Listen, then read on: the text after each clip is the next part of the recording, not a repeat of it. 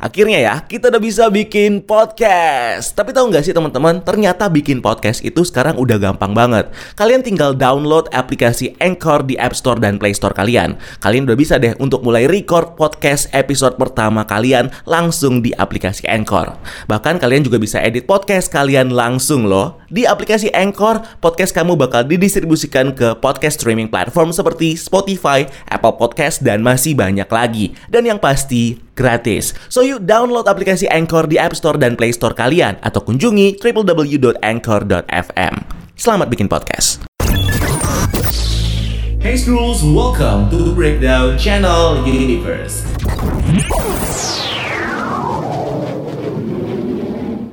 Hai Skrulls, welcome to Breakdown Channel Universe. Film Mortal Kombat udah tayang nih guys di bioskop dan buat kalian yang pengen nonton film Mortal Kombat tapi sampai sekarang masih bingung sama semua karakter yang ada di film ini, Don't worry dan jangan pusing-pusing karena di video kali ini kita bakal bantu kamu nih buat lebih tahu tentang backstory dari setiap karakter yang muncul di film Mortal Kombat. So duduk yang manis, cari senderan yang enak dan siapin catatan kamu. Bareng gue Dika, mari kita bahas topik kita kali ini. Yuk!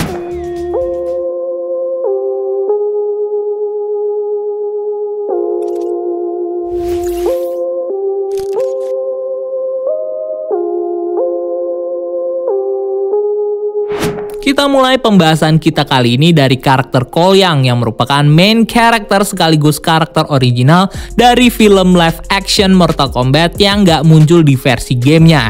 Di mana di film ini Kolyang diceritakan merupakan seorang petarung MMA yang tidak tahu asal usulnya sendiri dan juga memiliki tato naga yang jadi tanda kalau Kolyang punya hak untuk berpartisipasi di turnamen Mortal Kombat di mana Yang kemudian bergabung dengan tim bentukan Raiden bersama Liu Kang, Kung Lao, Sonya Blade, Jax, dan juga Keno yang jadi petarung perwakilan Earthrealm dan melindungi bumi di turnamen Mortal Kombat. Dan di sini sama seperti petarung lainnya, Yang juga punya senjata khusus atau dikenal dengan nama Arcana di film ini yang berupa armor dengan tonfa dan juga pedang di kedua tangannya.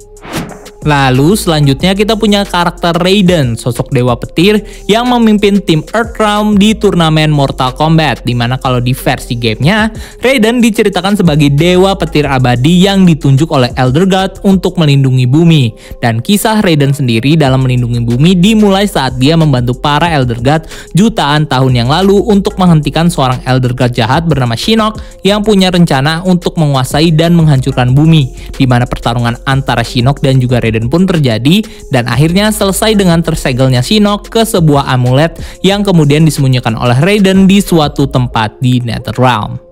Sampai selanjutnya Raiden kemudian menyelamatkan Earthrealm lagi dengan memimpin para petarung seperti Liu Kang, Kung Lao, Sonya Blade, dan juga Johnny Cage untuk membela Earthrealm dari invasi Shao Kahn dan pada akhirnya Raiden sendiri kemudian menjadi salah satu Elder God setelah dia berhasil mengalahkan Shinnok untuk kedua kalinya bersama dengan Liu Kang.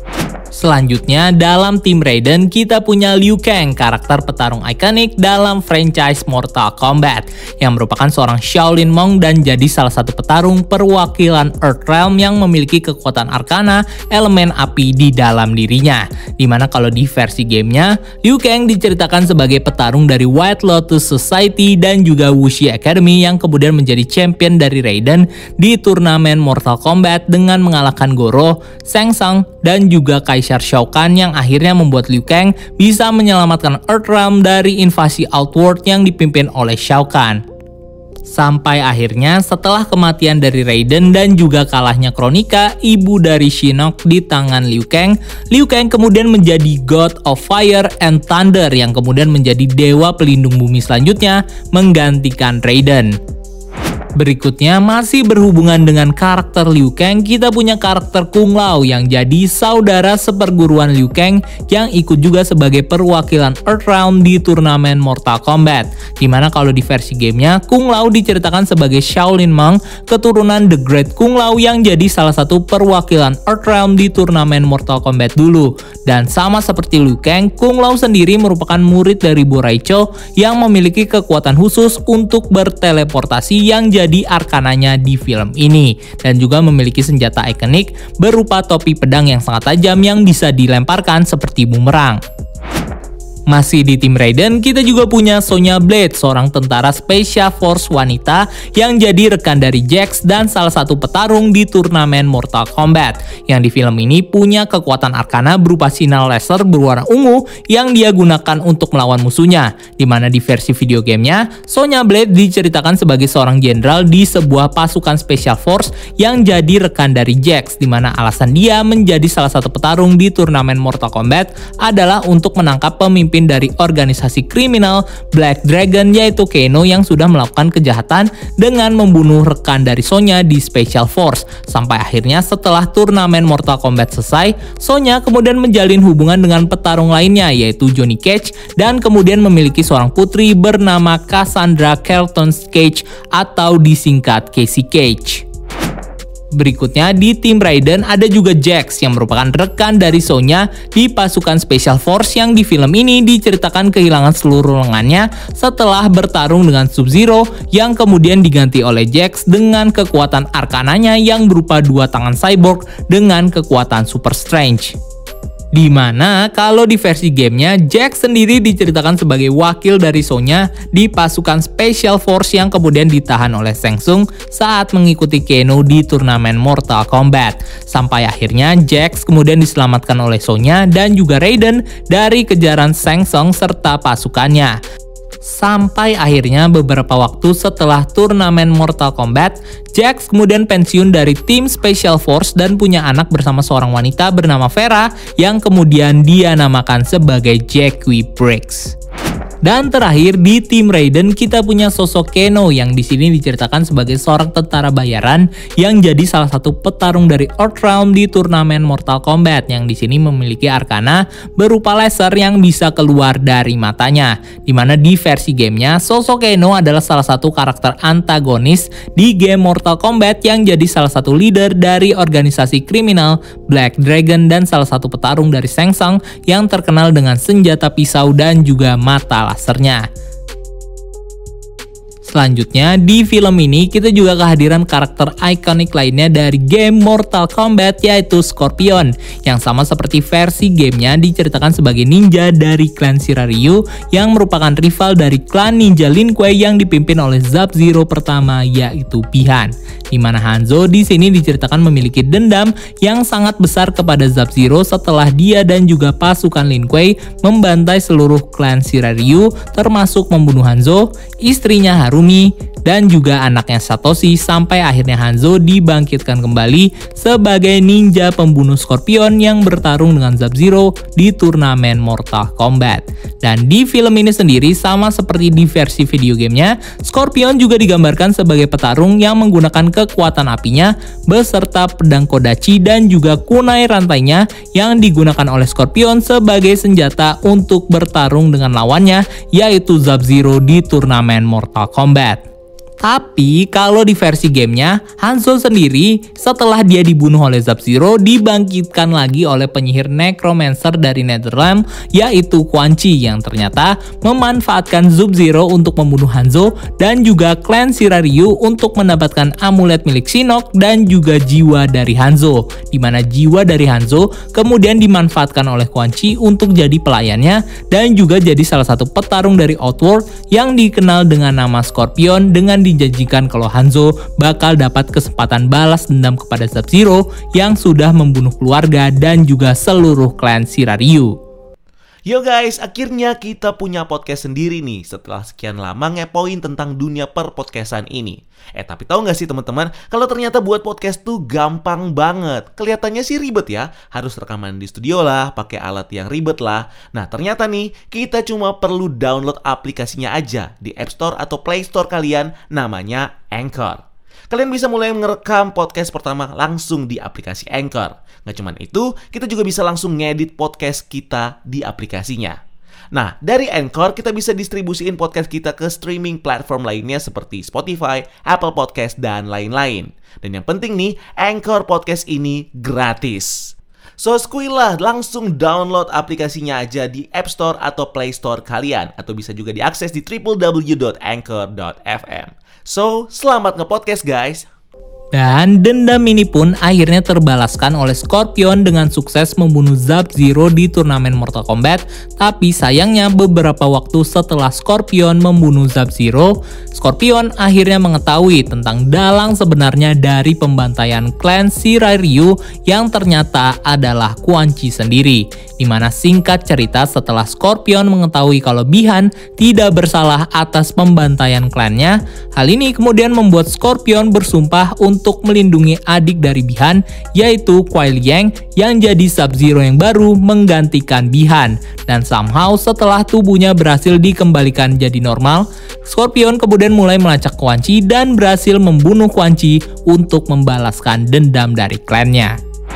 Lanjut di film ini, kita juga bakal ditunjukkan nih dengan pertarungan antara tim Raiden dan juga tim pimpinan Shang Tsung di turnamen Mortal Kombat. Di mana di film ini, karakter Shang Tsung diceritakan sebagai salah satu jenderal dan juga penyihir yang memimpin pasukan Outworld di turnamen Mortal Kombat. Yang di film ini digambarkan memiliki kekuatan teleportasi dan juga kekuatan menghisap jiwa. Di mana kalau di versi gamenya, Shang Tsung diceritakan sebagai salah satu jenderal dan juga penyihir penyihir terkuat dari Shao Kahn yang memimpin pasukan Outworld untuk menginvasi Earthrealm di mana untuk bisa melakukannya, Shang Tsung melakukan segala cara termasuk mengadakan turnamen Mortal Kombat supaya Outworld bisa memenangkan hak untuk menginvasi Earthrealm serta menghidupkan kembali Sindel supaya pasukan Outworld bisa masuk dan menginvasi Earthrealm.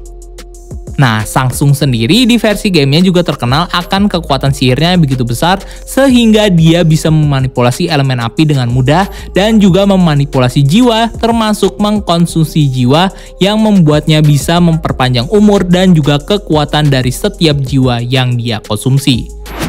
Selanjutnya, di tim Samsung ini kita juga punya karakter petarung seperti Milena yang merupakan salah satu petarung dari Outworld di turnamen Mortal Kombat yang di sini memiliki ciri ikonik seperti di gamenya dengan taring tarkatan, senjata Sai dan juga kekuatan Arkana berupa portal teleportasi. Di mana kalau di versi gamenya, Milena merupakan klon hybrid buatan Samsung dengan menggunakan DNA dari Kitana dan juga darah tarkatan yang membuat Milena akhirnya memiliki tubuh seperti para Edenian dan juga kekuatan monster seperti para Tarkatan termasuk taring tajam dan juga kekuatan brutal mereka. Berikutnya, di tim ini kita juga punya karakter Reiko, salah satu petarung perwakilan dari Outworld yang di film ini digambarkan dengan kekuatan super strength dan juga senjata palu besarnya yang diceritakan mati saat dia bertarung melawan Jax di turnamen Mortal Kombat. Dan kalau di versi video gamenya, Reiko sendiri diceritakan sebagai tangan kanan dari Shinnok yang kemudian menjadi salah satu jenderal dari Shao Kahn setelah kekalahan Shinnok oleh Raiden di masa lalu. Di mana saat dia menjadi jenderal Shao Kahn, Reiko Reiko punya tugas untuk menggantikan Shang Tsung dalam memimpin pasukan Outworld untuk menginvasi alam seperti Earthrealm dan juga Edenia.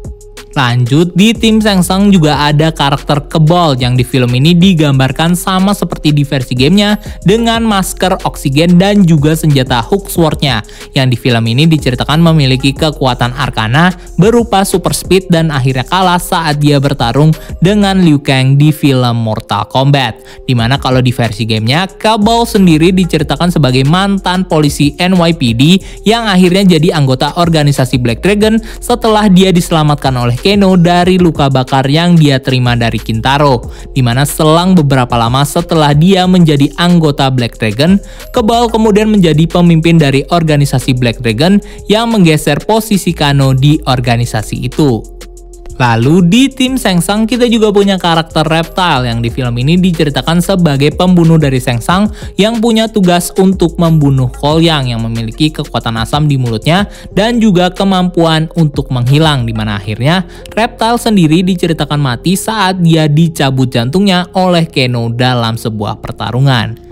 Di mana kalau di versi gamenya, Reptile sendiri diceritakan sebagai salah satu ras dari Saurian yang kemudian bekerja untuk Kaisar Shao Kahn supaya dia bisa membebaskan ras Saurian dan juga planetnya Zatera dari kekuasaan Outworld. Dan setelah kematian dari Shao Kahn, Reptile sendiri kemudian menaruh kesetiaannya pada Kotal Kahn yang merupakan pemimpin baru yang ada di realm Outworld. Berikutnya, di tim Sengsang juga ada karakter petarung Nitara, seorang wanita dengan sayap monster kelelawar yang akan bertarung melawan tim Raiden di film ini.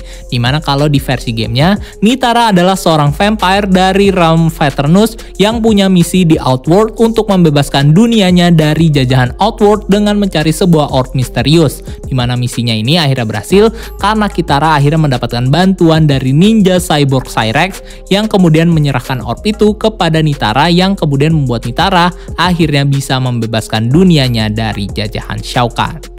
Selanjutnya, di tim Sengsang ada juga karakter ikonik dari game Mortal Kombat, yaitu Bihan alias Sub-Zero yang diperankan sama the one and only Abang Jo Taslim yang di film ini diceritakan sebagai ninja dari klan Lin Kuei yang jadi petarung dan pembunuh dari Sengsang di turnamen Mortal Kombat. Di mana sama seperti gamenya, Sub-Zero digambarkan sebagai ninja dengan kekuatan memanipulasi es dan juga diceritakan sebagai orang yang bertanggung jawab atas pembantaian klan Shiraryu serta penghancur dari tangan Jax. Nah, kalau di versi gamenya, Bihan sendiri diceritakan sebagai anak dari pemimpin klan Lin Kuei yang kemudian ikut dalam turnamen Mortal Kombat dan bertarung melawan Scorpion yang punya dendam pada Bihan karena sudah membantai klannya. Di mana pada akhirnya pertarungan mereka berakhir dengan kekalahan dari Bihan yang mati di tangan Scorpion yang membuat Bihan kemudian mewariskan titel Sub-Zero-nya kepada saudaranya Kuai Liang yang juga ikut dalam turnamen Mortal Kombat dan berhasil mengalahkan Scorpion Scorpion dalam turnamen itu. Sementara Bihan akhirnya dihidupkan kembali oleh Quan Chi dengan ilmu nekromensinya dan menjadi ninja pembunuh baru dari Quan Chi yang bernama Noob Saibot yang punya kekuatan bayangan. Dan terakhir, di tim Sengsang kita punya karakter petarung yang jadi champion dari Outworld di turnamen Mortal Kombat, yaitu Goro, di mana kalau di film ini, Goro digambarkan sebagai sosok monster raksasa dengan empat tangan di tubuhnya yang diceritakan bertarung dengan Cole yang di film ini. Di mana kalau di versi gamenya, Goro adalah salah satu kesatria dari ras Shokan, ras terkuat di Outworld yang merupakan setengah manusia dan juga setengah naga di mana selama beratus tahun lamanya, Goro dan juga ras Shokan lainnya seperti Kintaro dan juga Shiva sudah melayani Kaisar Shokan dan juga pasukan Outworld selama menginvasi berbagai realm yang ada di alam semesta.